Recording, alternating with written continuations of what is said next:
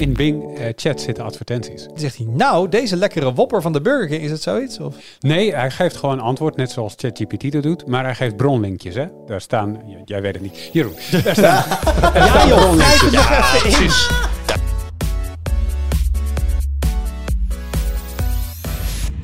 Hoi, leuk dat je luistert. Welkom bij een nieuwe aflevering van de Tweakers Podcast. Mijn naam is Wout en vandaag zit ik in de podcast met Jeroen Horlings. Hallo. Met Jurien Nubachs Hey, hallo. en met Arnaud Wokken. Hoi. Ehm, Hebben jullie al gestemd? ja, We nemen dit op woensdag op. Dat is vandaag verkiezingen. Ik kijk jullie heel streng aan. Iedereen gestemd? Gaan we stemmen? Ja, Strakjes. Heel goed. Goed, jongens. Oké, sorry Wout. Ga maar verder. oké, de stemcheck is gedaan. Er gaat gestemd worden. Eh, wij gaan het hebben over iets, ehm, ik vond het wel mooi hoe het omschreven was. Het is een beetje als de volgende GTA. Mhm. We weten dat het eraan komt, al jaren. Wanneer precies weten we niet. Het lijkt elke uitgesteld te worden. Of het echt heel veel beter is, weten we ook niet, maar we denken het wel. Eh, en we hebben het dan natuurlijk over solid-state accu's. Ehm, Tuurlijk. En Jeroen is daar helemaal ingedoken. Want eh, We gaan het niet over GTA, begrijp begrijp ik? ja, sorry, dat hadden we... Of jij moet nu opeens met allerlei scoops over GTA kunnen komen. Dat vind ik Ja, dat helemaal ja, ja, prima. GTA ja, 6 was, toch? het, maar- was het maar zo'n feest. Dat nee, vind ik ik, dat eh, helemaal ik, ik prima. verklaar plechtig dat ik daar niks over weet. Or, or Ja. do I? Nee. Ehm, Nee. Dus daarover straks meer zoals dit accu's. Eh, eerst natuurlijk eh, de punt post. En iemand zei al, eh, Breaker Evert. Ehm, de volgende keer graag heel Pieter Post meezingen. Nee. Nee. Dus, eh, dat is het antwoord daarop. Het is gewoon Breaker Evert. We hebben net voor de Breaker opname wel Evert. even stiekem geoefend, hè, maar dat is niet... eh, Breaker Evert. Oh, jij hebt hem helemaal geoefend? ja, zeker. Maar het Nou, is, Bas, niet, niet, ga je niet, dat- niet ga je We gaan podcastwaardig. er goed voor zitten. Nee, dat gaan we niet elke keer. We willen dat de luisteraars blijven hangen. Ik ga ook één keer met vakantie en dan gaat Arnoud opeens een zangcarrière beginnen en zo. En ja, dan Ja, ja, ja. Was een grote hit gelijk. muizen dansen op tafel. Eh, maar we hadden wel wat post. Ehm GJ Wise. Eh, wie, wie had het over Google Glass vorige keer? We hadden het over Google Glass en daarbij maakte ik de opmerking dat... Was ik dat die zei dat hij niet in kleur was? Ik Of- geloof- Nou, volgens, mij konden we, volgens mij konden we dat vooral on- ook ons niet meer herinneren hoe het eruit zag. Weet je En- hoe lang het geleden is? Ja, het is tien jaar geleden. Ja, nou, dat ding, dat, dat dus. En, maar eh, de DJ Wise eh, geeft dus aan dat, hij, eh, dat het wel in kleur was. Maar dat, eh, hoe zeg je het goed? Dat het een sequential color display was. Dus zo staat het er. dus dat betekent dat hij wel verschillende kleuren kan laten zien, maar niet meerdere kleuren tegelijkertijd. Zeg ik dat zo goed? Ja, volgens dat mij is mijn idee. Ik heb dat ding op mijn hoofd gehad. Ik wist helemaal niet meer of hij in kleur was of zwart-wit. Ja, ik, eh, het staat me voor dat het gewoon, maar dat, dat klopt dan ook. Het staat me voor dat het gewoon allemaal dezelfde kleur, maar dat zouden dan dus in theorie verschillende kleuren zijn geweest. ja. Ja. Alleen dat weet ik dan niet meer. Hij kon in ieder geval kleuren weergeven. Dat ja, wel. maar, niet, maar niet dus kleuren, beelden, want niet kleuren. Hij kon een kleur en dan meerdere kleuren achter. Ja, maar als je het heel elkaar. snel wisselt. ja, moet je heel snel zijn. Ja. Dan krijg je eh, het effect van kleur. Eh Coriel, die zegt, leuk al die tweakers wearables. En toen moest ik drie keer nadenken. Hè, we hebben toch helemaal geen tweakers wearable? maar hij bedoelt de merch, want dat draag je ook. Ja. Wearable. Ehm, maar waar blijven de grote? Hij is blijkbaar fan van grote koffiemokken. Koffiemokken. Eh, of andere gadgets voor je fysieke desktop. Ehm, de, ik, ben, ik ga niet over de merch, maar ik kan Ik heb, ik heb wel een leuk verhaal voor mokken. Ik weet niet wat geschikt is voor de podcast. La- niet mokken, lekker wokken. Nou, la- laten we het erop houden dat soms wel pogingen worden gedaan, maar dat niet alle verzinsels meteen lukken. Dus dat niet alles met wat wij verzinnen ook meteen beschikbaar is. Ah. En ik moet op zich zeggen, de, de, het aanbod in de merch shop is nu even wat het is. Dus wil jij nou dat we heel veel andere dingen doen, dan moeten we hem vooral eerst even helemaal leeg verkopen. Eh, en eerst maar eens even kijken dat wat we nu hebben, dat dat... eh, Dus je zegt eigenlijk tegen mensen van als je een mok wil, koop eerst even een trui en een dat is eigenlijk wel wat ik zeg. En als je dan mazzel hebt, Dus wil jij mok, dan, dan dwing je bij deze een tweakersgear.net. Eh nee, dus op dit moment eh, zijn er geen plannen voor grote koffiemokken. Maar eh who knows? Dit was de eerste lichting die we nu lekker in de etalage hebben staan. Misschien dat er nog wat dingen in de toekomst bij komen. K. Hendricks of Hendricks. Ik weet niet hoe je het uitspreekt. Ik ga voor Hendricks. Eh, die zei dat ik het een of twee afleveringen geleden had over een boek over het vroege Nintendo versus Sega tijdperk. Welk boek was dat? Dat boek is Console Wars door Blake J. Harris. Mhm. Dus dat kun je in de Google gooien. Eh, en dan komt er een link uit. En dan kun je dat kopen. Heb je het gelezen? Maar hij vraagt ook, krijgen we misschien nog een korte recensie slash boekentips in de highlight? Eh, ik vond het een heel leuk boek.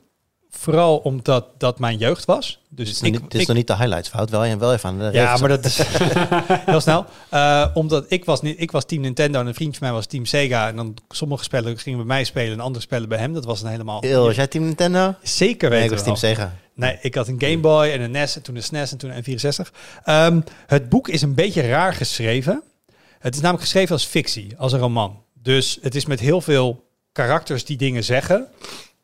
Heel erg in detail. Hij heeft wel iets van 200 mensen geïnterviewd. Het is een soort van reconstructie van Ah. hoe het gebeurd is. Dus het leest niet als een, eh, een beetje documentaire stijl. Het leest echt als een fictieboek. En dat maakt best, maakt best wel grappig. Maar je denkt soms wel van ja, klopt dit wel? Hebben die mensen dit echt gezegd? En met zoveel detail was er niet zelf bij. Dus dat moet je eventjes uitzetten in je hoofd.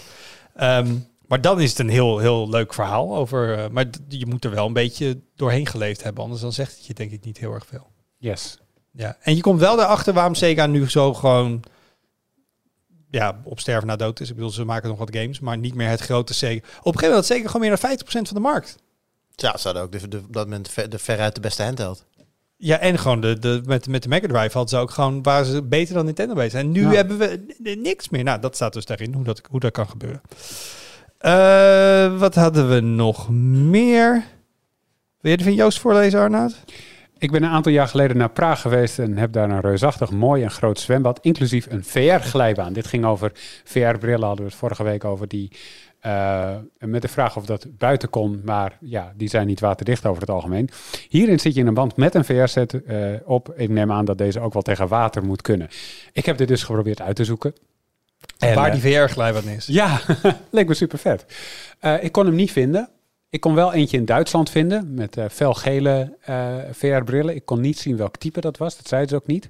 Maar ik heb er wel over gelezen. Dit is kennelijk een soort van genre, waarbij je dus een filmpje in een VR-bril ziet of daadwerkelijk met sensors dat je door de glijbaan heen gaat met dan een VR-ervaring. Eh, ja, die moeten waterdicht zijn, dat kan niet anders. Maar het leek erop alsof die, alsof die omsloten was op de een of andere manier door Zo, maar dan moet het wel heel goed sync lopen met elkaar door die glijbaan. Anders zeggen, word je zo misselijk. Als jij, een beetje, als, jij, als jij bijvoorbeeld links, want ik lees dat, het, dat hij het deed in een soort van band. En Ja. die, die draaien ook wel eens. Als, Ja, als het filmpje niet draait, maar de band wel, of het filmpje wel en de band niet, dat is echt ja dan kom je er zwaar voor je maag. Dat denk ik ook. Ik zou er wel in gaan als ik hem ergens tegenkom. de VR-glijbaan. Als het badje beneden een klein beetje oranje is, dan zou ik er heel snel uit gaan. Eh, Bert min Ernie, dus niet Bert en Ernie, maar alleen Bert. Ehm, hem viel op dat er wat dubbelingen zijn op sites. Ja, op tweakers en op hardware. Ja, dat zegt wel want we allebei een review van de Galaxy S23 en de Plus en de NUC 12 Pro. Die zijn verschillende mensen gedaan. Hoe zit het nou met de scheiding? Nou, die is er dus heel duidelijk. Eh, dus dat is misschien goed om nog even te benadrukken. Uh, Tweakers is onderdeel van DPG Media. Hardware Info is dat ook. Dat zijn twee losse titels met andere mensen daarachter. Eh, wat natuurlijk wel is gebeurd tweeënhalf jaar geleden, Ja, drieënhalf jaar geleden, eh, is dat het grootste deel van de hardware info-redactie gezellig bij Tweakers is komen werken. Dus echt is, is ingelijfd. Eh, maar voor de rest zijn Tweakers en hardware info onderdeel van hetzelfde uitgeverijbedrijf, maar daar houdt het ook een beetje op. Dus ehm, als eh, Frank, die staat er aan het roer, dus als Frank eh, de NUC 12 Pro wil reviewen, dan, eh, dan moet hij dat vooral doen, zeg maar. En als wij dat willen, dan moeten wij dat ook vooral doen. En de Tesla-resultaten? Ja, wat wel zo is, is dat de testdata die delen we. Eh, dus eh, de, de testdata die we eh, voor onze reviews hebben, die kun je dus in de price terugvinden en ook in de hardware info prijsvergelijker. En als het gaat over sales en marketing en allemaal andere afdelingen, dat is wel dan weer merkoverstijgen. Maar redactioneel zijn het twee losse titels. Dus het klopt helemaal, Bert min Ernie, dat je dubbelingen ziet, maar dat zien wij niet als dubbelingen. Dat zien we gewoon als de, de keuzes die we zelf maken. Arjen zegt er tot, ik heb toegang tot Bing AI. Jullie ook al? Ja, ik dus nog steeds niet, hè? nee, ik Ook nu niet. wel. Sta jij wel ook de lijst? die Nee. Oké, maar ik sta dus wel op een wachtlijst.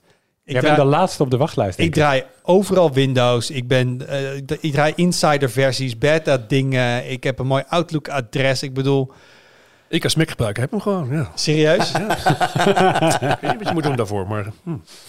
D- dit is echt niet oké. Dus nee, Arjen. Misschien eh, heb jij, heb jij ehm, eh, iets in je rewards? Want daar had ik dus ook last van. Ik heb een nieuw account moeten aanmaken. Want kennelijk stond er ergens in de backend van Microsoft dat ik, het, dat, dat ik geen rewards kon krijgen. Ik weet niet precies wat dat is. Ehm, nooit mee bezig geweest.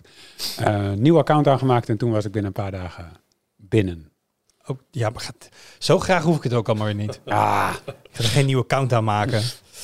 Eh, dus nee. Eh, maar hij zegt, anders kan ik jullie vragen erin gooien. Maar ik kan dus bij Arnoud of bij eh, Jeroen aankloppen als ik een hele dringende vraag heb aan Bing AI. Maar tot nu toe, gezien de dingen die ik ervan gezien heb, heb ik niet zoveel met dat ding hmm. te bespreken. Weet je wat er ook in zit?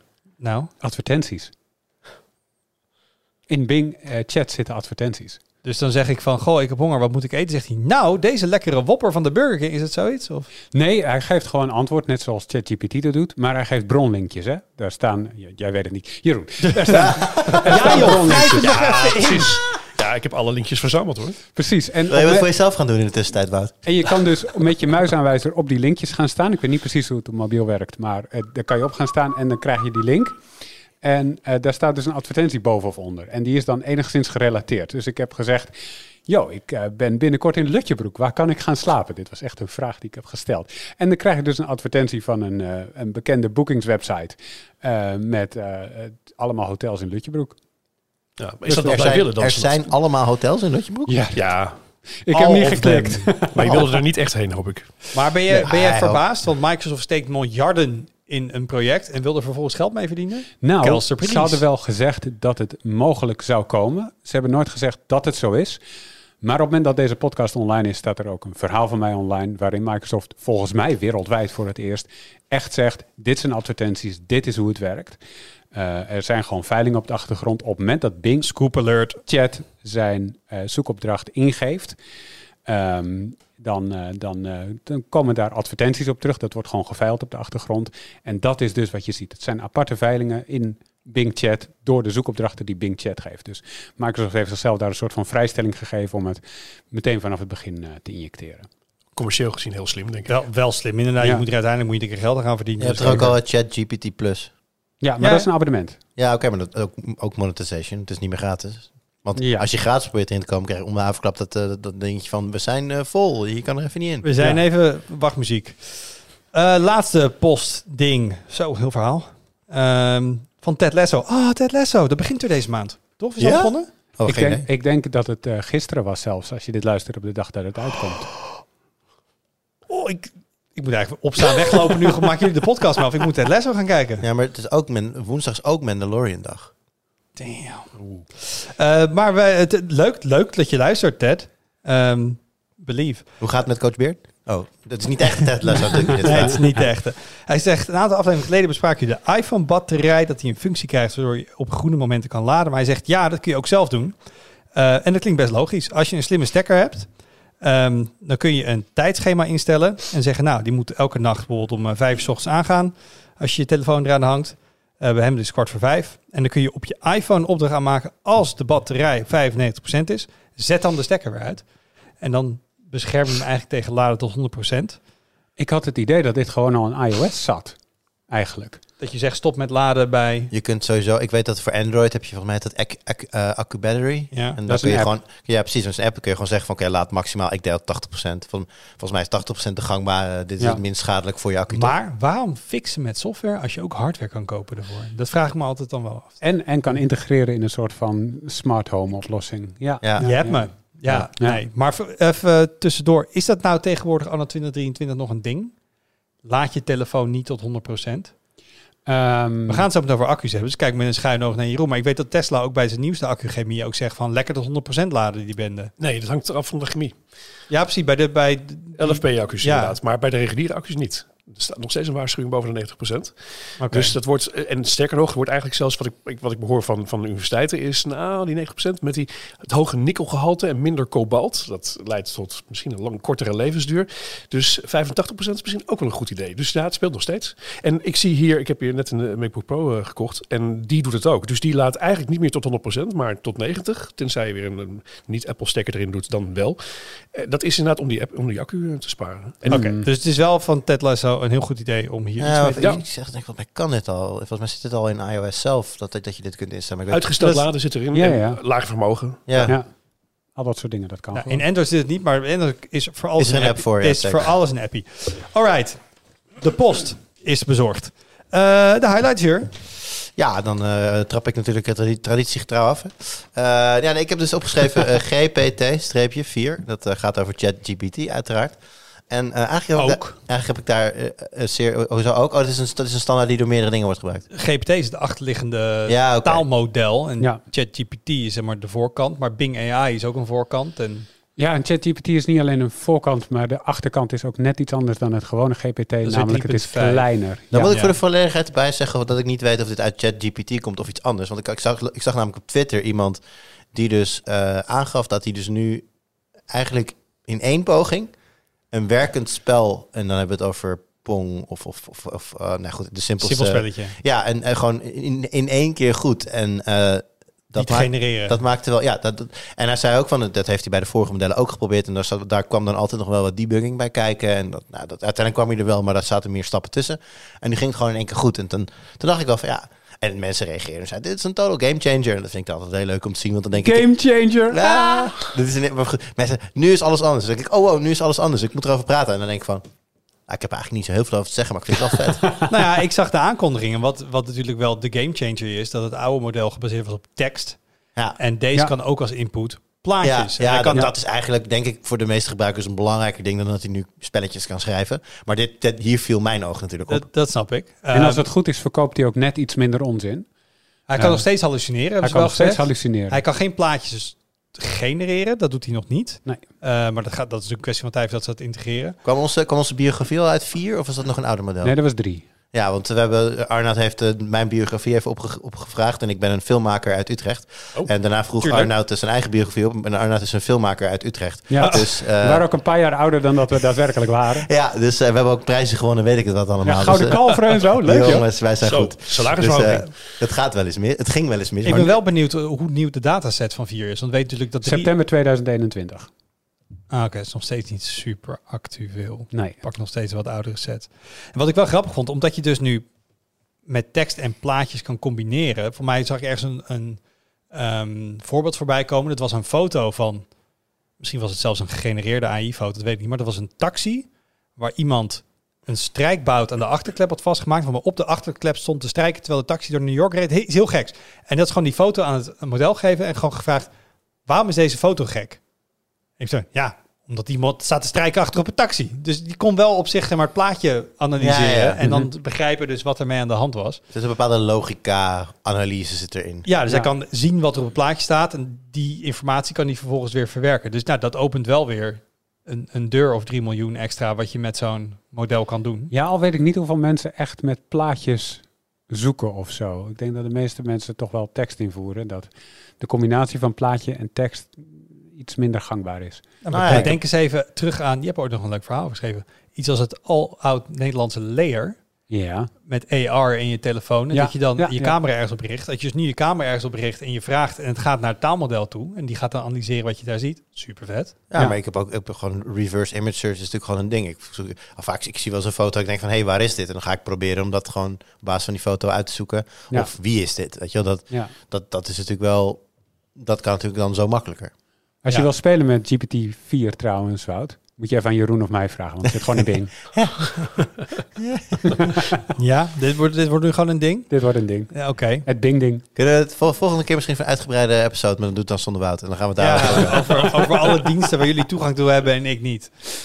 Hartstikke leuk. Ehm, maar dat, dat, dat was hem. Er is opeens GPT-4. Ja, nee, dat, is- dat was het eigenlijk gewoon. Ik was, ik was even onder de indruk van het feit dat die Pong eh, zo makkelijk kon maken. Ja. En dan gewoon wat andere spelletjes ook. En dat is vind ik maar goed. Er is nu GPT, GPT-4. Ga er lekker mee spelen als je kan. Ja. Ben Als je. Bing AI hebt. Ja. Of, of ChatGPT, maar dan de betaalde versie. Volgens mij krijgen abonnees toegang op beperkte wijze tot... eh, Ja, doei. Je niet betalen. Ja. Ik wacht gewoon. over Ooit, hebben. ooit krijg ik, word ik wakker op een dag en zeg Microsoft, nou, we hebben de hele wereld toegang gegeven. Er was nog iemand over. Jij krijgt hem ook wel. Ik ga gewoon screenshots uploaden in eh, GPT-4 en dan vragen, valt jou iets op in deze screenshot? En dan zegt hij, ja, kijk, deze nieuwe modellen. En dan zeg ik, hey, leuk, nu, leuk stukje voor in mijn review. Wat valt hierop? Dat Wout hier geen toegang toe heeft. Ja. Eh, Arnoud, wat is jouw highlight? Ja, ehm, ik wilde het hebben over Spotify. Eh, want die had vorige week zijn, eh, zijn eigen evenement eh, in Amerika. En daar hadden ze, konden ze hun grootste interfacewijziging aan sinds, het, Mensenheugenis. ik wil zeggen, 14 jaar. Kan ik dat zo zeggen? Ja, jij kijkt heel twijfelig. Kan ik dat Nee, zeggen? nee, ik, ik gebruik een Spotify, dus ik weet Oh, het oké, je weet het niet. Ik wel, maar mijn, in mijn, mijn herinnering gaat niet... Mensenheugenis dus, want ik kan me niet meer herinneren. Mag, ik, Nee. mag ik raden, Jeroen? Apple Music? Yes. Ja, helemaal, helemaal vastgeroest Ja, naar het ecosysteem. Ecosysteem, ja, fantastisch. Maar er komt dus een, eh, een eh, TikTok-achtige feed in Spotify. Huh? De gedachte is dit. Sorry, ik, ga- ik gaf een beetje over in mijn mond. De gedachte is dit. En ik, ik snap hem echt. Oh, jij Ehm, snapt hem ook. Ik snap hem.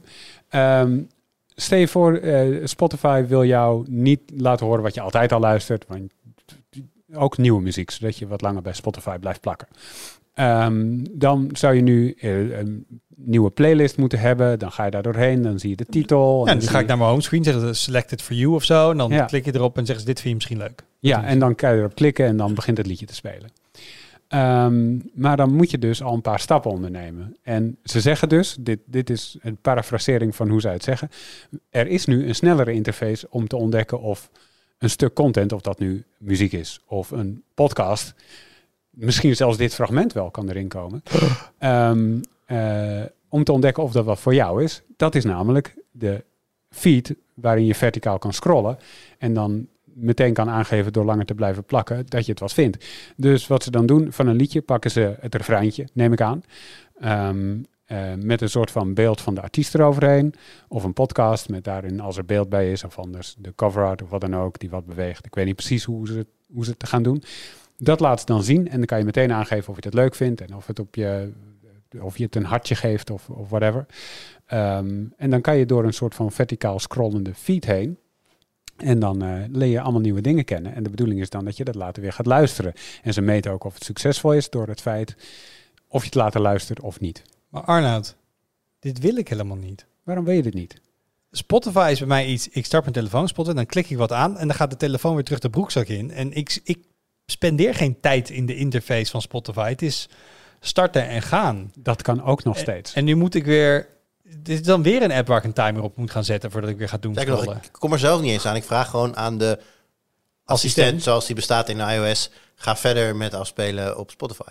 Hmm. En weet je wat ze soms doet? Dan zet ze Apple Music aan. Serieus, heb ik al meermaals meegemaakt. Ik zeg letterlijk Spotify, zij kiest voor Apple Music. Oeh, ik ben heel tevreden over personage in iOS. Maar, eh, maar dit, dit, hier zit een stru- hier zit. Ons, ons huwelijk krijgt nu cracks. Ja, maar dit is wel Apple. Jij zegt, dit is wat ik wil. Nee, nee, je weet niet wat je wil. dit is wat je wil. Maar goed, dat, Maar dit, dit, dit voelt een beetje als iemand bij, bij Spotify zegt, we hebben een nieuwe KPI en dat is ehm, minuten doorgebracht in de app. Ehm, dus die gaan we omhoog krikken. Wat kunnen we doen? Ja, door mensen een feed te laten scrollen, dan gaan ze meer tijd doorbrengen in de app. Ja. En wat, wat ik ook een beetje afvraag nu je dit vertelt. Oké, op deze manier zeggen zij, kunnen we dus beter achterhalen wat je wel niet leuk vindt. Maar ja, weet je, gewoon ik voel, als- ik voel die, want ik, ik wil geregeld wel nieuwe muziek horen via Spotify. Ik heb daar zo'n release radar eh, eh, playlist, die iedereen volgens mij eh, algoritmisch heeft. Maar daar moet je dan zelf heen klikken en zelf doorheen. Het is best wel gedoe. Ik snap wel dat het beter kan. Maar ze kunnen toch ook, als jij een playlist luistert, dan kunnen ze toch aan de hand van hoe snel jij skipt, dat is ook data. En ik kan toch Ja, dingen ja. een duimpje geven. En, Ja. Dus Gebruiken ze ook allemaal. ze hebben het al een soort van. Ja, Ja, ik, ik voel me gewoon oud, jongens. Ik snap het allemaal niet. Nou, ik begrijp het wel vanuit Spotify ook nog vanaf de andere kant gezien. Ik kan me heel goed voorstellen dat labels of artiesten er wel geld voor over hebben. Zeker eh, op een up-and-coming ster om daar een push te geven. In dat die- swipe te zitten. in de, om in- inderdaad wat hoger in die, in, die, in die lijsten staan. Want ja, het meeste zal misschien al een beetje op jouw algoritme gebaseerd zijn. Maar ja, net zoals dat in al die lijsten gaat, je krijgt natuurlijk ook wel eens andere dingen. Zeker als Ja. het advertentie is tussendoor. nee, dit- advertenties komen er niet in. Nee, niet advertentie, maar ik bedoel meer ehm, niet letterlijk een advertentie, maar gewoon iets dat gepusht wordt door geld. Hoger. Dus dan is, Mhm. het, even- dan is het in mijn ogen een advertentie, alleen zij noemen het niet zo. Hmm, Ik een weet niet bepaald dat... muzieknummer doen. wat gepromoot wordt. Nou, ik, ik zou het heel logisch vinden als ze dat wel doen. Mhm. Alleen, ja, het is natuurlijk wel... Ja, je bent betalende gebruiker. ik wou dus- zeggen, je betaalt natuurlijk wel Mm. voor Spotify. Dus eh, als jij dan gewoon zegt van... Ja, misschien is dat een... Je zou het misschien een opt-in of opt-out kunnen maken. Dat je zegt van, ik, wil, ik, ik sta open voor andere... Maar wat. Spotify denk ik eh, wil hiermee, want ik noem het niet voor niets een TikTok-achtige feed. De plek waar nieuwe muziek momenteel aan het doorbreken is, keer op keer op keer op keer, is TikTok. En, eh, en Spotify wil dat zijn, want dan zijn ze belangrijker. En eh, wat je terecht zegt, dan breng je meer tijd door in die app. Dat is ook zo. Je brengt er genoeg tijd in door. Ehm, maar om het te laten plakken en te zorgen dat ook Jeroen eh, eh, weer Spotify gaat nemen, of Kansloos. Spotify gaat nemen, is, is door het heel aantrekkelijk te maken om daar nieuwe dingen ontdekken, te ontdekken die je dan telkens weer gaat luisteren. En op het moment dat dat beter kan, hebben zij het idee, dan is, dat, dan is de app aantrekkelijker en dan neem je daar dus eerder een abonnement. Juist. Dat is de gedachte. Ik heb geen idee of het zo gaat werken. Is het Maar- voor jou? Eh, ik ga dit zeker Als oude proberen. TikToker? Ik ga dit zeker proberen. Ja.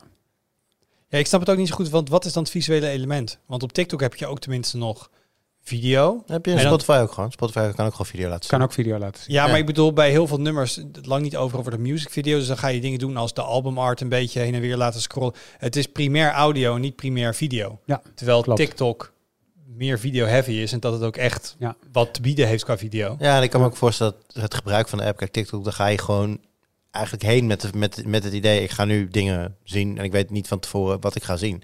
En bij Spotify ga je denk ik al veel meer een idee in je hoofd van, ik ga, Ik ga nu, dit op- nu of in luisteren. ieder geval, ik ga op een van mijn playlists klikken of ik ben in de, ik ben in de mood voor, weet ik veel, Sun- Sunday morning muziek, weet ik het wat. Ja. Maar je hebt altijd wat meer een doel of zo. Doel. En ik denk dat het bij TikTok juist niet zo is. Dus dan zou je denken, ah, ik heb niks te doen.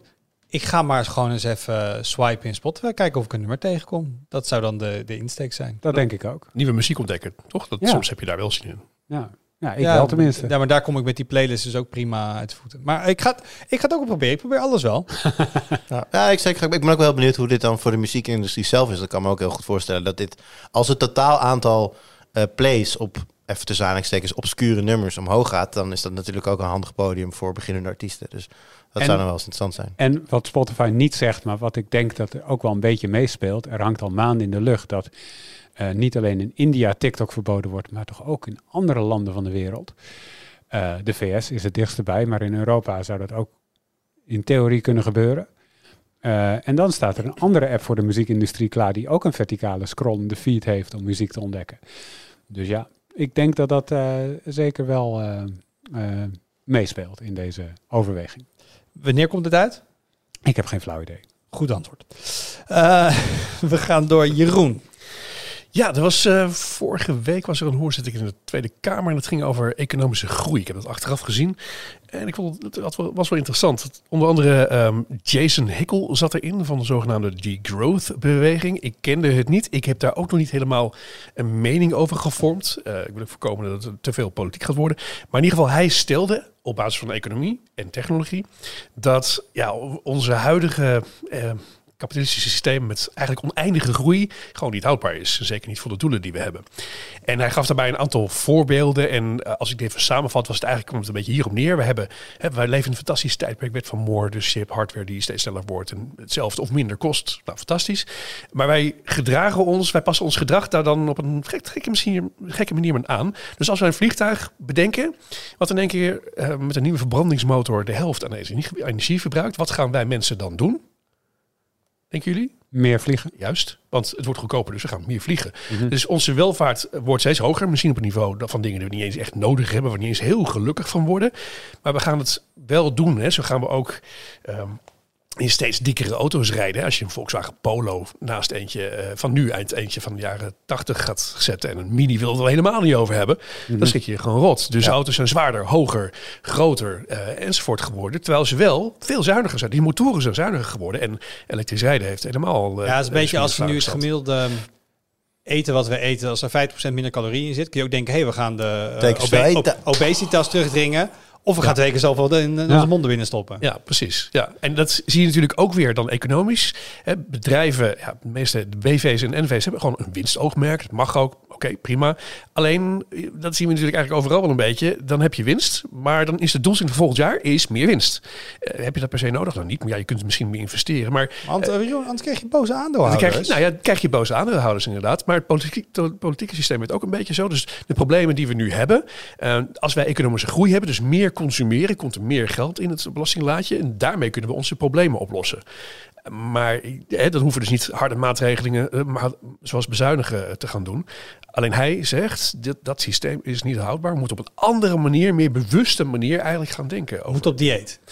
we moeten op dieet en we moeten vooral niet gewend raken aan zoveel welvaart dat we dingen doen waarbij hè, we dus niet eens meer gelukkig van worden, maar omdat iedereen het in de staat, omdat iedereen in de staat Dus dikke zegt, auto jij heeft. zegt dus die Ja, rappers die hun sigaar aansteken met een briefje van 100. Ja, Dat is eigenlijk geen goed Dat is wel een pauper rapper dan hoor.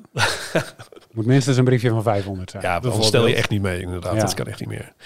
Maar nou ja, precies. Het gaat een beetje. Wat, wat ik ervan opgenomen heb, is bewustwording. Wat wij doen. En dat geldt voor iedereen en ook voor mijzelf. Dat je denkt, eh, eh, was dit de meest logische, verstandige keuze op basis van niet alleen de korte termijn, maar ook de lange termijn. Nou ja, die bewustwording is denk ik wel goed. Eh, hoewel ik voor de rest nog niet helemaal begrijp hoe hij die wereld voor zich ziet. Hoor. Hij, stelde iets voor van, we moeten dus niet meer eh, bijvoorbeeld luxejachten en SUV's gaan maken, maar meer voedsel goedkoper maken en de gezondheidszorg daarop gaan richten.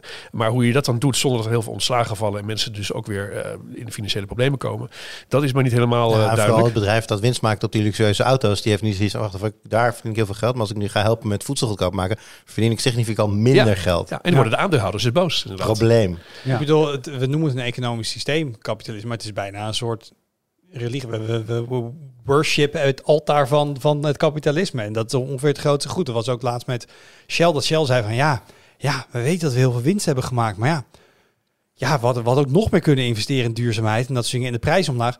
Maar ja, dan hebben, we, dan, dan hebben we minder winst. Dat kan toch ook gewoon. Die, die, die vent dat interview zag gewoon echt niet voor zich dat minder winst maken, dat was gewoon geen optie. Dat kan toch gewoon niet? Hoewel ik er heel graag op in wil gaan, wil ik er ook op wijzen dat dit een in potentie hele lange zijstap in deze podcast zou kunnen Ja, gaan dat is worden. wel waar. Als we hierop ingaan. Het is ook een highlightje. Maar dat ging over consuminderen. Ja. Eh, maar dat is denk ik gewoon lastig binnen een systeem wat inderdaad, wat jij zegt. Ik zie het ook wel eens in, ehm, in de comments bij ons, om even terug te brengen naar tech, laatst ook. Ehm, over Apple ging dat. Ja, die Tim Cook die is alleen maar bezig met Apple nog meer geld te laten verdienen. Ja, En dat is de baan. Ik wil net zeggen, daar wordt de beste man voor betaald. Ja. Die moet verantwoording afleggen aan de, de eigenaren en de aandeelhouders. En die zeggen, wij willen dat jij meer geld verdient. Dus die doet zijn werk. Ja. Of dat zijn job description zou moeten zijn, daar kun je het over hebben. Maar ik kan het moeilijk kwalijk nemen dat hij zijn werk goed wil doen. En dat geldt voor elke CEO in de tech-industrie ongeveer. Ehm, kijk, Mark Zuckerberg die doet dan iets geks en die gaat heel veel geld kapot eh, stuk slaan op, op metaverse en zo. Maar uiteindelijk was het ook zijn idee om daar geld mee te verdienen. Zeker. En nu mensen ontslaan, want ja. Ja, Nee, klopt. Dat, nou ja, dat is het hele systeem van eh, winst maken is oké, maar meer winst, meer winst, meer consumeren. Misschien moeten we dat inderdaad eens tegen het licht gaan houden. ik kan me zo maar voorstellen dat er iemand met een studie economie in de volgende punt post gaat, ons gaat uitleggen waarom dit toch wat ingewikkelder is dan misschien doe is minder. dat zou toch ja, maar toch heb ik dit wel. Bedoel, dit sentiment, dit, eh, dit zien we al jarenlang op de site. Ook mensen die bijvoorbeeld eh, het- het ervoor pleiten om langer met hardware te doen en, ehm, en dat soort dingen. Er zijn heel veel mensen wel mee bezig om, eh, om, te, om te consuminderen, zeg maar. Ik denk wel dat dat inderdaad heel belangrijk is. Maar dat is meestal vanuit het oogpunt van duurzaamheid en niet om een kapitalistisch systeem eh, omver te werpen of wat hij ook precies voorstelt. Ehm, Maar wat je dan, dan wel krijgt, ehm je hebt het goed opmerkt, we moeten denk ik ook oppassen dat het niet hier nu over Dit gaat. was dus precies wat ik bedoelde. Ja, Ja. maar daar gaan we, daarna gaan we afronden. Ehm, heel goed dat mensen gaan consuminderen, maar het is wel zoiets, als jij, jij kan zelf een paar stapjes zetten, maar de grote klappen worden natuurlijk aan de top uitgedeeld bij hele grote Ja, bedrijven. En zo. Zeker. Het is een beetje hetzelfde als iemand die ageerde laatst heel erg tegen de oude slogan, een beter milieu begint bij jezelf. Nee, een beter milieu begint bij hele grote bedrijven die heel veel vervuilen. Daar begint het. En ja, het is dat best wel gek om dat te zeggen. Nee, je moet individueel allemaal dingen gaan doen. Ja. Maar ik vind Eh, het wel interessant, Jeroen, want eh, pleit hij voor echt een eliminatie van het, van het kapitalistisch systeem? Of is dat... In ieder geval een herziening daarvan inderdaad. Oké. Eh, het is niet zo meteen dat hij communisme liep te prediken. Want dat is natuurlijk weer een heel andere eh, Ja. kant van zaken. Maar inderdaad wel van... eh, Dus het, in ieder geval, waar we het over hadden, de rijken. In ieder geval dat soort dingen. Luxe jachten, dingen die eigenlijk onnodig Ja. zijn. Privéjets. Dat echt significant zwaarder belasten. Zodat die rijken kunnen dat toch wel betalen bij wijze van spreken. En die vragen daar... Dat, nu die, die... Wat is het nou? Die de, de rijkste 1% heeft... Nou ja, 40% of zo van alle belasting. Nou, en en, en milieu-impact. Ja, dat is gewoon niet een houdbaar systeem op lange termijn. En dat is ook het hele punt dat wij gebruiken nu ja, met alle grondstoffen meer eh, dan wat de aarde te bieden heeft. In ieder geval op de lange termijn. En Ja. Die lange termijn is al 100 jaar. Dus daar eh, pleit hij voor. eh, doen en laten en het gedrag van, van, de, van de bovenste laag is inderdaad dan wel, hoe noem je dat, buitenproportioneel eh, eh, Het- impactvol. Het zou mooi zijn als al die bedrijven die inderdaad miljarden winst boeken ook de rekening bekostigen die nodig is om zeg maar al die problemen die op, de, op het gebied van duurzaamheid eh, liggen te betalen. Maar dat gaan ze niet doen. Nee, Nee. want zo werkt het systeem niet. Eh het wordt trouwens wel even voor duidelijkheid, als mensen zelf willen consumeren, is het natuurlijk alleen maar hartstikke mooi en langer Ja. met je spullen. Ik zeg niet dat dat geen goede stap is. Ehm, het is alleen niet, de, de, de, de echte last ligt ergens anders, denk ik. Precies, maar zo'n heel systeem eh, opnieuw ontwerpen, dat is echt een moonshot.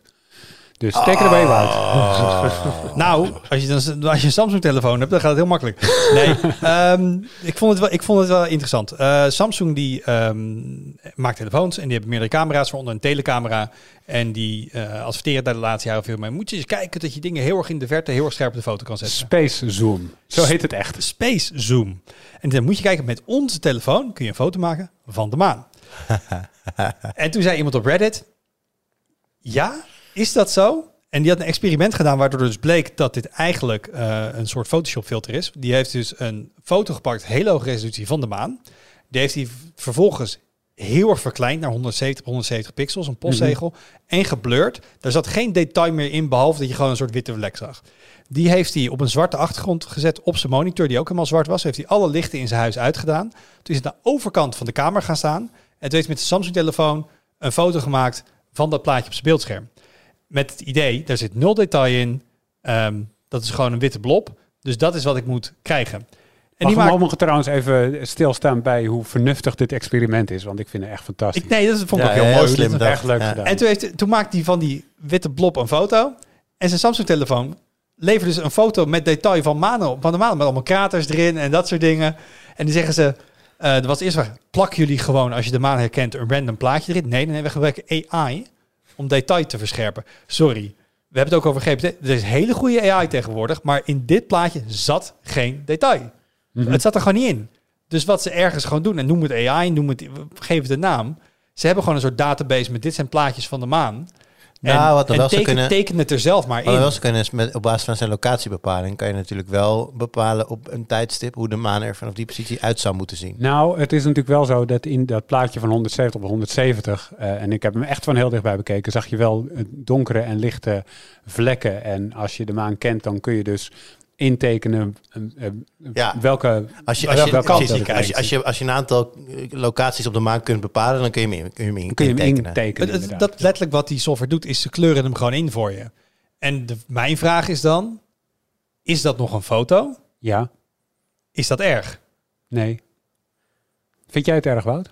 Ja, ik vind dit, dit- En het is natuurlijk een glijdende schaal, hè? want alle camera's doen tegenwoordig dingen met AI en met meerdere frames en samenvoegen. En... Maar dan is het toch vaak om detail wat er is te verscherpen of te versterken. En hier wordt echt gewoon zo rigoureus data toegevoegd. Ja. Er was laatst superveel ophef over een nieuwe filter dat mensen er super knap uit liet zien op dat is Instagram of TikTok. TikTok. TikTok niet. was Het dat, zal. TikTok zijn. En daar, dit is hetzelfde. Dit Ja. is gewoon dat. Het is niet een, re- dit is niet een weergave van de realiteit. Op het moment dat je doet alsof dit een legit foto is, dan lieg je. Ja, ik ben het daarmee eens, maar Arnoud is het niet blijkbaar. Nee. Nou, ja. Hoe is dit een foto? Het is, je wil een foto maken van de maan. Dat is wat je doet, want je zoomt in op de maan, dan wil je een foto Wil maken. je een foto maken van de maan of wil jij een afbeelding hebben van de maan? Eh, Want ik- laatste, de- dat laatste krijg je, dat eerste doe je niet. Want de app kan ook Sure. zeggen, hey, eh, je probeert een foto van de maan te maken. Hier is een Google Image Search voor plaatjes van de maan. want dat gaat je toch niet lukken met deze camera. dat zou wel heel eerlijk zijn. Dat je een, foto, Maar- dat je, dat je een, een rode Fiat hebt. hey, je probeert een foto te maken van een rode auto. Hier heb je een hele mooie rode auto en een Ferrari op je foto. Het is, een, het is een functie die heet Scene Optimizer. Eh, die zit gewoon in de instellingen van je camera. Die kan je aan of uitzetten. En dan weet je gewoon op het moment dat hij iets herkent in je beeld, dan optimaliseert hij daarvoor. En dat is wat hij hier doet.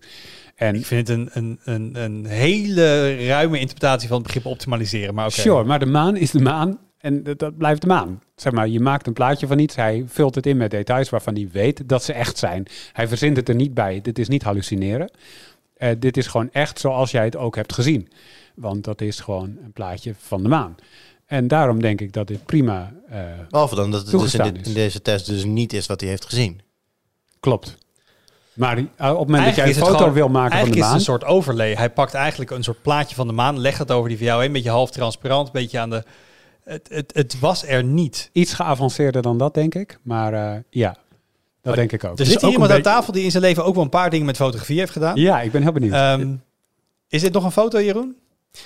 Ik zou zeggen van niet, maar op zich kan ik nog leven met de, dat je die functie aan of uit kan zetten. Ik zou het er wel standaard uit willen hebben staan als fotograaf zijn, zeg maar.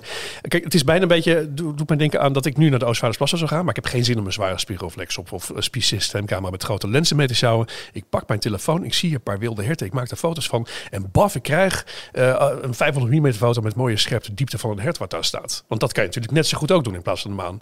Ja, dan heb ik een heel mooi plaatje voor op Instagram Ehm, dus dan denkt iedereen, wauw, heb jij die foto gemaakt? Knap, wauw. Je hebt nu net de portretmodus omschreven, of niet? Precies, die portretmodus met kunstmatig geschepte diep is al een beetje hetzelfde, maar minder ver dan er een hert in plakken, eh, denk je toch?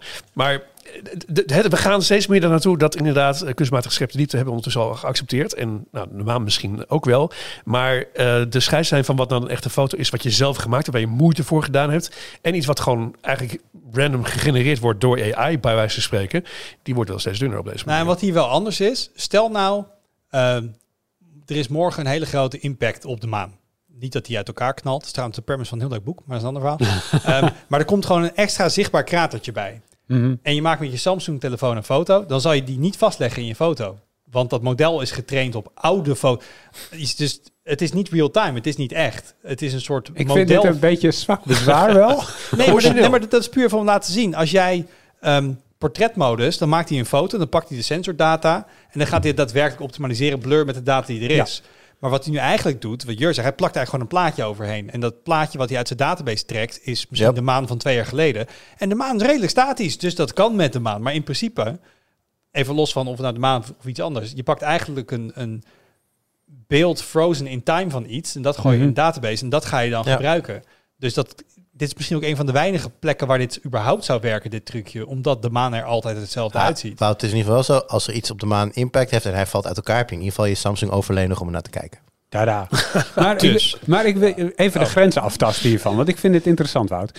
Eh stel je maakt een mooie foto op de Oostvaardersplassen. Heel mooie foto, één probleem. Jeroen stond daar net ook een foto te maken. Jij hebt een magisch gummetje in de software van je telefoon. Dat Ja. heet Magic Eraser. Dat kan op elke telefoon volgens mij nu, maar eh, jouw telefoon had het al. Eh, dat is nu in de editor na. Dan suggereert hij van, wil je dit weghalen? Voor, hij doet dat in de camera. Dat is gewoon een optie die je kan aanzetten van, doe dit automatisch voor me. Zou je dat dan ook op dezelfde manier onecht vinden en onacceptabel? Nee. Maar dan heb je het over dat 90% van je foto is iets wat jij hebt vastgelegd en 10% misschien bewerk je na. En hier was ongeveer 100% van de foto had niks te maken met het beeld wat je had vastgelegd. Dus het is een glijdende schaal voor mij. Oké. Ik Ja, denk kleine, kleine, kleine touch-ups, kleine dingetjes. Hè, Photoshop bestaat ook al eh, tientallen jaren. Rode oogcorrectie. Ja, dat ja. soort dingen. Ja. Eh, maar hier is het gewoon bijna gewoon een swap in replace van de foto die je gemaakt hebt. Ja. En wat ik trouwens wel eh, eh, eh, jammer vind, Jeroen, van camera, telefoons, telefooncamera's nu, is kennelijk kunnen we de hele maan in het beeld stoppen. Maar die vervelende lensreflectie, wel zo'n groen puntje die dan ergens in je beeld staat op het moment dat je... Die, die kunnen ze dan weer niet weghalen, terwijl die heel makkelijk te herkennen is. Hoe, hoe komt dat? Dat zou toch met de AI wel moeten kunnen. Ja, dat is die interne reflectie onder andere van de lens. Ja. Nou, voor mij doen ze dat bij foto's wel. Daar is hij ook vaak weg, maar bij video's Ja, video's vaak. zie je het Omdat het inderdaad. gewoon, als jij 4K 60 opneemt en je moet dan real-time voor al die frames moet je groene vlekjes weghalen. Dat is gewoon processing, denk ik. Ja. Komt misschien wel dan. Alright. Solid state accu's. Welkom bij dit hoorcollege over solid state accu's. Ja, ik ben maar vast achterover gaan zitten, want dit wordt inderdaad... eh, Nee, maar Jeroen kan dit, die kan dit leuk brengen. Eh, heel kort, Jeroen, en heel simpel. Voor alle dum-dums zoals ik, die hier eh, naar gaan luisteren. Ehm, in de meest basisvorm, hoe werkt een accu? Een traditionele accu. Een traditionele, gewoon ieder type accu heeft eh, een pluspool en een minpool. Eh, de kathode en de anode. En eh, daartussen zit een elektrolyt, vloeibaar elektrolyt momenteel. En daartussen zweven, gaan de lithium-ionen bewegen van de anode naar de kathode en andersom. En aan de bovenkant heb je elektronen en dat is in feite de stroom. Je plus dus, en min en er zit iets vloeibaars tussen. Ja, precies. En ik denk dat uit de naam valt af te leiden, bij solid state accu zit er niet iets vloeibaars tussen. Klopt, dan is het een vaste stof. Het is ook eigenlijk een vaste stofbatterij, als je het helemaal Nederlands wil zeggen. En wat is daar nou zo geweldig aan dat wij hier al jaren over schrijven en dat er onderzoek wordt gedaan eh, en dat we hier naartoe leven en dit zo graag willen?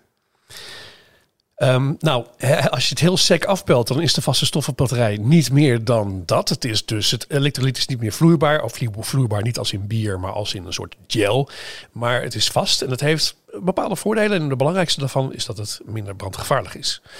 Dus het, het, batterijen vliegen af en toe in brand, vooral als ze heel erg beschadigd zijn, of gewoon verkeerd geprogrammeerd, waardoor ze te warm worden. Je steekt er een mes in. Je steekt er een mes in, dat is meestal niet gezond inderdaad. Kun je het niet goed tegen, komt er Je koopt zuurstof het bij. 7. Ja. ja, precies. Dan gaan ze opzwellen. Eh, dat is gewoon een eigenschap van batterijen. Ehm, een, een batterij met een vast elektrolyt zou ze dus een stuk veiliger maken. Dat is het Want voornaamste. er kan niks voordeel. uitlekken of zo. Kan niet met elkaar in contact komen. Ja, dat lekt dus niet inderdaad. Maar als ik even kijk naar alles wat wij de laatste jaren over geschreven hebben ehm, en de onderzoek die gedaan worden, dan lees ik ook juist heel vaak veel dingen over energiedichtheid en op hetzelfde oppervlak kan veel meer energie opgeslagen worden. Is, is dat zo in de basis? Eh, eh, nou, het korte antwoord is nee. Maar dat, dat is wel wat ons de afgelopen nou, ruim tien jaar eh, te horen is gebracht. Hè? Dus persberichten, dan weer die start-up, eh, dan weer een universiteitslab waar bepaalde experimenten zijn gedaan. Dus we hebben het over een hoge energiedichtheid. En niet een beetje hoger, maar factor 2. In theorie zelfs factor 4 of hoger dan wat we nu kennen. Dat zou echt ongekende nieuwe mogelijkheden bieden. Niet alleen dat, het zou zelfs ook bieden, daar hè, ook weer persberichten over verschenen. Ja, met, dit, met onze accu, die nog nu in ontwikkeling is, kunt u straks uw auto opladen in vijf minuten. En dan is hij helemaal vol, die Ja, 100 je kan ze heel snel opladen en de energiedichtheid is hoog. Dus of met dezelfde accugrootte kan ik opeens 2000 kilometer rijden. Ja. Of we kunnen superkleine accu'tjes maken met kleine auto's die heel ver komen. Precies, dus dan het, het sluit wel een beetje aan met het vorige onderwerp. Dan kies je dus eh, minder accucellen, wordt die auto wordt dus lichter en dus ook energie-efficiënter. Terwijl je er voor de rest geen geintje, geintje pijn van hebt, inderdaad. Ja. Ja, maar dat is dus de belofte van de laatste paar jaar. En jij laat nu zo doorschemeren dat dat niet helemaal waar is? Ja, eh, eigenlijk wel. Ja, dat, dat, er wordt dus ruim tien jaar gewerkt bij startups en in labs. En ehm, eh, het wordt dan meteen een beetje technisch, want we, hebben dus die anode en die kathode. En die, die anode is momenteel van grafiet. Die kathode is of van eh, nikkel, kobalt of van ijzerfosfaat. IJzerfosfaat heeft geen kobalt, dus dat is wat beter eh, qua grondstoffen en dergelijke. Ehm, dat gaat veranderen bij die solid-state batterij. Dus dat hoeft niet per se, maar dat was eigenlijk de aanname. De aanname was dat die kathode maakte niet echt veel uit. Eh, die komt metaal bij overweg. Die anode, daar maken we lithium-metaal van. Alleen dat bestaat dus nog niet op grote schaal. Wel in van die platte cellen, zeg maar, maar niet in oplaadbare stand dat ze ook voor telefoons en voor eh, nou ja, auto's gebruikt kunnen worden. Lithiummetaal heeft namelijk in potentie, dus dat is eigenlijk puur lithium, eh, wat dus op de anode komt dan. Dus dat heeft een enorm potentieel hoge energiedichtheid, omdat je er heel veel lithium kan opslaan. Hoe meer lithium je kan opslaan, hoe hoger die energiedichtheid van die cellen zijn. Het leidt alleen weer tot allerlei problemen. En dat weten we, maar die problemen zijn ook na tien jaar nog niet getackeld. En het is er ook niet eentje, maar het zijn er echt meerdere. Dus, dus de wens was hier een beetje de vader van de gedachte van oké, we gaan het zo opbouwen met, met een vast elektrolyt en die lithiummetaal. Oh ja, dan moeten we dat nog even fixen dat dat kan. Maar dat blijkt moeilijker dan gedacht. Ja, dat de, de vooruitgang daarin is beperkt. Dus het, we- wat ik, we hebben allerlei eigenschappen opgenoemd. En bijvoorbeeld die hoge energiedichtheid, dat is gelukt. Dat is in laboratoria, bij, bij start-ups, is dat gelukt. Een nadeeltje heb je dan een hele korte levensduur. Ja, dat is niet echt Hoe kort, hoe, wat, wat- hoe kort, want we praten over accu, dus hoe, hoe vaak, wat, waar, moeten we naar, waar moeten we naartoe? Wat, wat moet het zijn en waar is het nu? Nou ja, het korte levensduur. in- destijds, toen ze dat voor elkaar gekregen hadden, het over 50 cycli.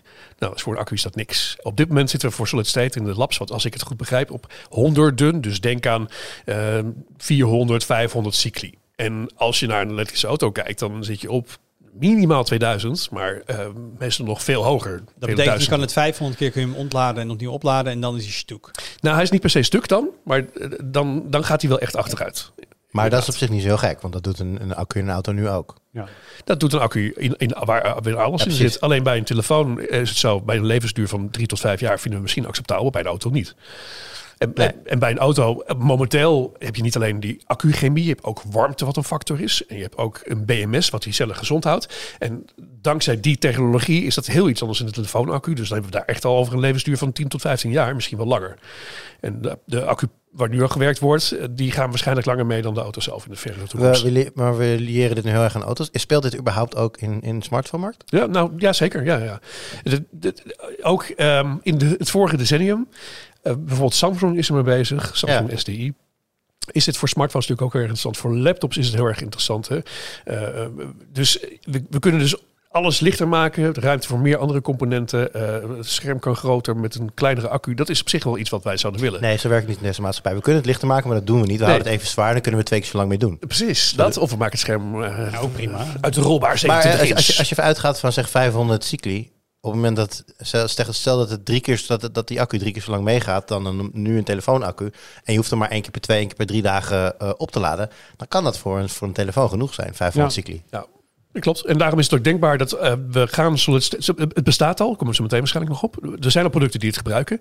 En de eerste producten die we eh, op grotere schaal zullen gaan zien, zullen waarschijnlijk ook telefoons zijn. Xiaomi is er voor mij zelfs mee bezig. Die wil het heel graag. Ehm, dus, want dat heeft dus ook weer, ja, heeft dus allerlei voordelen. Ehm, maar dat is dus daarvoor acceptabel, omdat die levensduur nog enigszins te overzien is tot ja, een enkele jaren. Ja. En daarna koop je toch een nieuwe accu, bij wijze van spreken. Xiaomi wil gewoon dat je elke twee jaar een nieuwe telefoon Ja, koopt. Dus, nou ja, eh, dat is dus weer dat winstmodel inderdaad. In feite wel. Maar je zegt net, Jeroen, d- dit is al, het wordt al gebruikt. Laten we daar dan even op ingaan. Waar vind ik nu een solid state accu? Ja, nou, ehm, in, eh, in- laten we weer over vervoer hebben, want daar heb je de meeste de twee praktijkcases. Eh, al sinds 2011, ja, ja, bestaan er elektrische auto's in onder andere Parijs, maar ook in enkele andere steden worden daar ingezet als deelauto. En ja, als taxi zijn ze echt te klein, maar daar hebben ze ook experimentjes mee gedaan. En eh, die dingen bestaan dus al sinds 2011. Dat was een van de allereerste generatie elektrische auto's, hadden solid-state batterijen. Ehm, ehm, en sinds 2019 rijden er ook bussen rond. En dat zijn echt hele grote accupacks. Want die deelautootjes zijn vrij klein, een beetje mini-achtig. Die hebben 30 kilowattuur. Zo'n bus heeft meer dan 400 kilowattuur aan accu. eh. Maar zijn dat traditionele accu's waar ze gewoon het vloeibare elektrolyt even vast hebben gemaakt? Of zijn dit al van die accu's met die hoge energiedichtheid die aan al die beloftes voldoen en die het walhalla zijn van accutechnologie? Mm, ja, een beetje van alles niet. Eh, Dat is ook een antwoord. ja, dus die, die, het gaat onder andere Mercedes-Benz heeft de Citaro. Die hebben ze gewoon met de reguliere accu's, maar ook dus met die eh, ja, lithium polymeer accu's dat met solid status. Ja, die hebben dus bepaalde voordelen zoals die brandveiligheid en eh, ja, de energiedichtheid is niet wat beloofd is. Op, op dit moment is het 140 wattuur per kilo. Dat is ja, eigenlijk lager dan de moderne eh, gemiddelde accu's. Oh.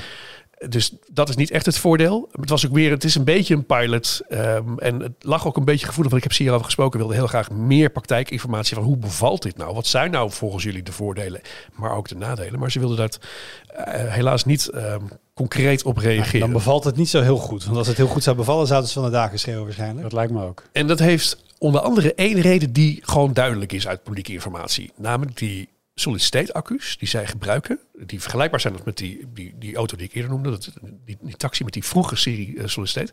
Die vereisen een hele hoge werktemperatuur. Namelijk van 70 tot 80 graden. En dan zit je met een praktisch probleempje. Wat voor bussen nog wel enigszins te overzien is. Je Ja, moet hoe, namelijk- la- hoe lang rijden mensen in een deelauto? Een paar minuten. ja, precies. Maar alleen, probleem is dus, je, als, die, als je daar aankomt, is 's ochtends vroeg en die auto is koud en je gaat erin zitten, moet je hem eerst opwarmen. Ja, Je kunt niet meteen weg. maar iedere keer ook. Want als, als, Iedere als keer. je stil heeft Een soort voorgloeien van je, van je dieselauto, Ja, maar dan nou, heel, dat- heel, heel, lang. Ja, we gaan dus weer terug in de tijd eigenlijk. Dat gaat weer lekker Maar gebeuren. moet je dan echt, waar hebben we het dan over? Moet je dan twee minuutjes wachten? Moet je tien minuten wachten? Dat is maar niet helemaal duidelijk, maar het, het, het, het wel echt eh, richting een kwartier eh, of langer.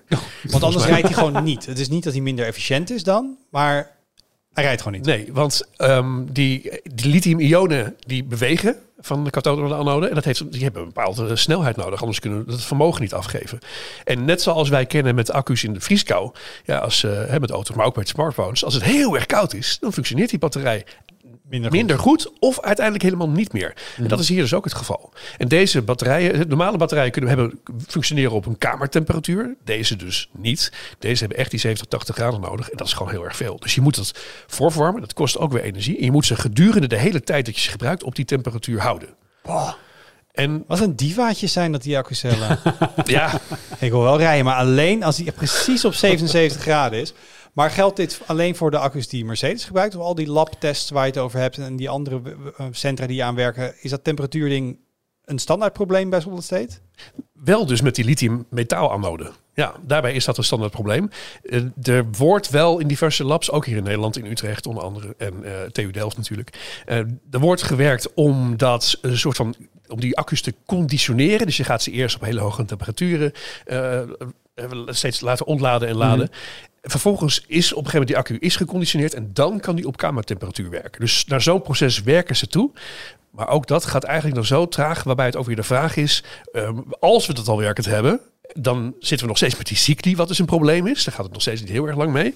Eh, en dan moet je dat nog opschalen naar commercieel niveau, waarbij je echt massaproductie kunt gaan doen. En dat is dus ja, echt een probleem, waardoor eigenlijk wat ik begreep eh, van Marnix, Marnix Maagmaker, die ik hiervoor sprak van de TU Delft, die zei ja. Als ik eerlijk kijk naar tien jaar research, denk ik dat we naar iets anders moeten kijken dan de lithium metaalanode. Oké, dus het is niet dat we hiermee zeggen eigenlijk is solid state een dead end, maar dat kan op zich prima. Maar we moeten naar de materialen kijken die we gebruiken voor die anode. Ja, precies. Ja. En ik heb geprobeerd bevestiging te krijgen. Niet echt, eh, start-ups zullen daar sowieso niks over zeggen, maar die houden daar nogal vast lijkt. Maar die hebben nog geen werkte producten, dus dat wordt eh, sowieso lastig. Maar dat is in ieder geval wat hij zegt op basis van labtest eh, waar het naartoe gaat. En er zijn gelukkig alternatieven. Maar wacht, eh, voordat we dat die alternatieven... Je hebt cycli-probleem, temperatuurprobleem. Zijn er nog andere dingen? Of is het voor de rest wel... Ja, de veroudering. Dus ja, het is die. Dat, ja, de cycli dus inderdaad. Ja. dus, eh, en je hebt dendrieten nog die kunnen vormen als... eh, nou ja, dat wil je ook voorkomen. Het gekke is, Zeker, je wilt er geen dendrietvorming. Kom op dat- dan krijg je kortsluiting namelijk. Dan is die, die cel dus kapot. Dus dat, eh, Ah. dat is ook nog een probleem bij solid state specifiek. Want zo'n vast elektrolyt, die laat natuurlijk minder makkelijk die ionen door. Dus ook daarbij heb je... je hebt talloze soorten vast elektrolyt. Het is niet één type.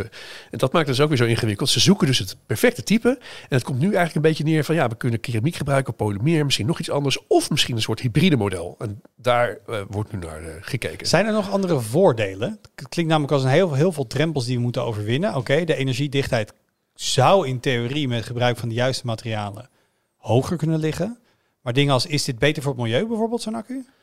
Nou, het, is beter voor het milieu wanneer je dus een hoge energiedichtheid hebt. Nou, want dan heb je dus minder grondstoffen nodig, heel simpel gezegd. Eh, dus als je dat kan bereiken met een andere anode of kathode... dan zijn, is dat het absoluut nog steeds het grootste voordeel. Los van dus die... ehm, Maar niet Veiligheid. op, op materiaalgebruik, recycling, dat soort zaken. nee, eigenlijk niet. Zover ik dat eh, begrijp. Nee. Hey Jeroen, voordat we hier aan begonnen, dacht ik dat dit een grote belofte was voor alles op accugebied. Maar uiteindelijk eh, krijgen we even Ja. een hele grote Is er nog een andere grote belofte op accugebied? reality check. Ja, precies. Nou, eh, dus nog steeds kan het zijn hè, dat we over tien jaar toch nog iets vinden dat we wel stappen verder komen. Op dit moment lijkt het daar niet op. En het is echt anders dan we tien jaar of vijf jaar geleden zelfs verwacht hadden. Ook bij universiteiten Ja. in dat geval. Er zijn een legio andere mogelijkheden. Want je kunt, je kunt lithium vervangen door natrium. Je kunt eh, eh, grafiet vervangen door silicium. Dus er komen sowieso nog heel erg veel eh, varianten aan. En inderdaad die silicium-anode, want dat kan dus ook in plaats van lithium-metaal. Dat is eveneens zeer veelbelovend. Die, daar kun je ook namelijk veel meer lithium in opslaan. Mhm. En heeft ook weer probleempjes natuurlijk, want lithium, of, silicium zwelt op. Maar daar zijn wel weer concrete oplossingen voor in zicht. Dus er zijn twee Nederlandse bedrijven, e-Maggie, als ik het goed uitspreek, en Ledenjar. En nog internationaal nog veel meer bedrijven. En die zeggen, we zitten een beetje op het punt dat we dat bijna werkend hebben. En dat we kunnen opschalen. En ook dat kun je prima gebruiken en combineren met een solid state. Ja, I've been hurt before. Dus ik, ik geloof dat ik zie. Maar dus eigenlijk accu's maken is ehm, moeilijk ingewikkeld. En het gaat om precies de juiste combinatie van materialen. Die, maar het klinkt er bijna alsof je... Waarom dit dan tien jaar duurt? Dan zeg je, nee, je moet gewoon van een, een, een metaalanode naar een silicium. Dan denk oké, dan kom je morgen je lab in. En dan ga je aan de slag en dan bouw je een prototype. Maar dat is dus niet zo makkelijk als swap in, swap out, zeg maar, van dat materiaal. Nee, volgens mij niet. En, en, en, en dit- je moet dus je tijd verdelen. En er wordt zowel naar die twee soorten gekeken, maar omdat er altijd vanuit is gegaan is dat lithium-metaal een beetje de gedoofde verfde ingrediënt zou zijn, is vooral daarnaar gekeken inderdaad. En, en siliciumanide, eh, siliciumanode werd vooral gezien als, nou, dat is misschien voor de huidige generatie batterijen een mooie oplossing, maar niet voor solid state. Overigens moet wel om een beetje positief te kleuren. ehm, het- het- ook met de huidige chemie, dus zowel lithium-ijzerfosfaat als eh, eh, nikkel-kobalt accu's, hebben we echt wel stappen gemaakt hoor. Want die zijn hoger dan, dan dat vijf jaar geleden is. En de kosten zijn gedaald. Dus we gaan de goede kant op. Maar we hebben steeds in ons hoofd inderdaad... Die, evolutie. We willen revolutie. Precies, die, die eh, telefoon die een week meegaat en die, die auto die duizend kilometer haalt op een kleine accu. En ja. is, is er op dit moment, ook al is het in de labs, naast de solid state accu nog een ander type accu wat nu experimenteel naar gekeken wordt, wat dan misschien de revolutie gaat zijn? Of is dit eigenlijk wel een variant hierop, is wel wat het moet gaan worden? Ja, nee, er zijn nog heel veel revoluties die er potentieel aan kunnen komen met ronkende persberichten. Eh, eentje daarvan is bijvoorbeeld ook de zwavelaccu. Kan je zowel met lithium combineren als ook niet. En ook die belooft weer een enorme energiedichtheid. Maar uiteraard ook weer met de nodige problemen. Die overwonnen moeten worden. Word er cynisch van, eh, Wout. Moedeloos? Moedeloos zelfs. Wauw. Nou, we willen morgen graag een oplossing. En dat is gewoon, eh, Ja. ja. het kost gewoon tijd inderdaad. Ja. Maar we werken er al tien jaar aan, plus.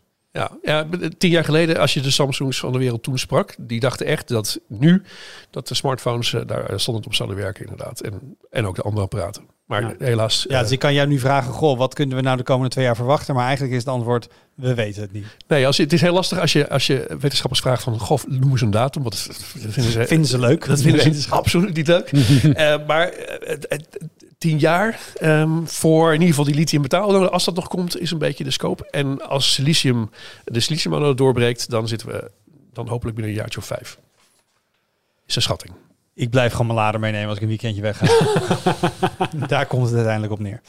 Eh, dankjewel Jeroen. Dan gaan we nog even sneak peeken. Eh, dit, dit- nu gaan we naar een onderwerp wat Jeroen helemaal niks zegt. Dat gaat namelijk over Windows 11. Ah, Hè? Ehm, Windows? Ja, dat, dat schijnt de meerderheid van de mensen te gebruiken. Maar, eh, want er is weer een update uit. ja, de Moment 2. moment 2, ja. Ja, eerst kregen we jaar. Eerst was het dan 10H2 of zo. Of 1121. Anyway, ze hebben weer een andere. We krijgen nu van mijn Moment Altijd 1 weer en een nieuwe 2. naam. Ja, Eh, maar collega Mark is aan het kijken wat er nieuw is in Moment 2. precies. En ik hoop dat het online komt voordat de volgende podcast, maar misschien is het iets later, dat weten we nog niet. Anyway, de grootste vernieuwing daarin is natuurlijk eh, de Bing zoekfunctie die in de taakbalk te vinden Maar is. gaan we dit, gaan we dit, gaan we dit spoilen? gaan we dit spoilen? Want ik heb gezien wat dit is namelijk. Wat is het? Hoe, hoe de Bing zoekfunctie in de taakbalk eruit ziet. Ik heb nog geen flauw idee. Dat eh, zie ik in Marks verhaal. Dat heb jij geen idee? Nee, ik heb geen idee. Maar jij dat- weet ook niet hoe het eruit ziet, weet ik toevallig. Nee, ik heb bij Mark over de schouder meegekeken. Ah, oké. Maar ik ga dit nog niet spoilen, maar ehm, ik, ik was niet heel erg onder de indruk. Oké. Zie je, en daarom word je niet toegelaten.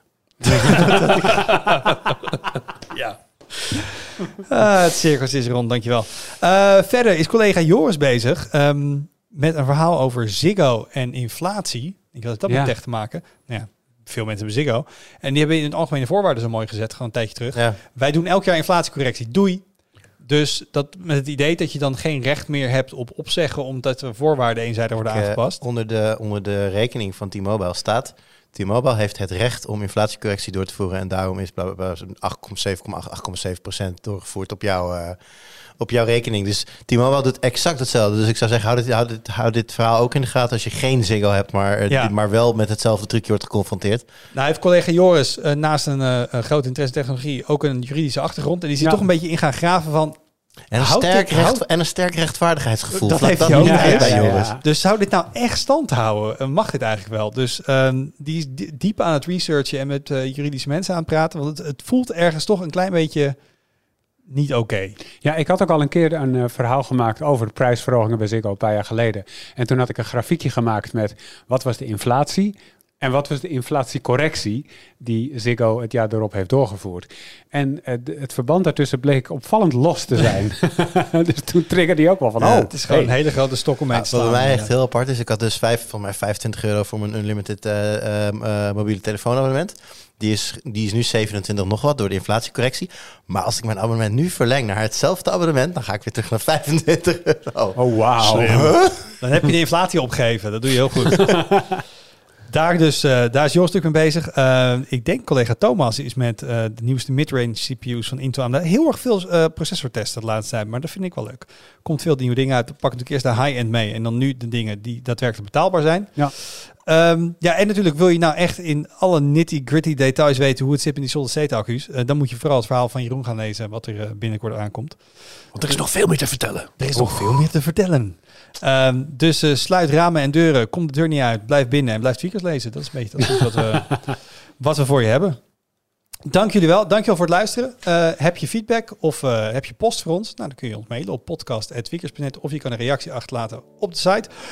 Of onder de YouTube-video gaan we allemaal elke keer lezen. Ja. Dus ehm, Ook al doen we niet elke zangopdracht die we krijgen. nee, precies. Maar het wordt echt allemaal gelezen en we vinden het heel leuk. En eh, tot volgende week. Doei.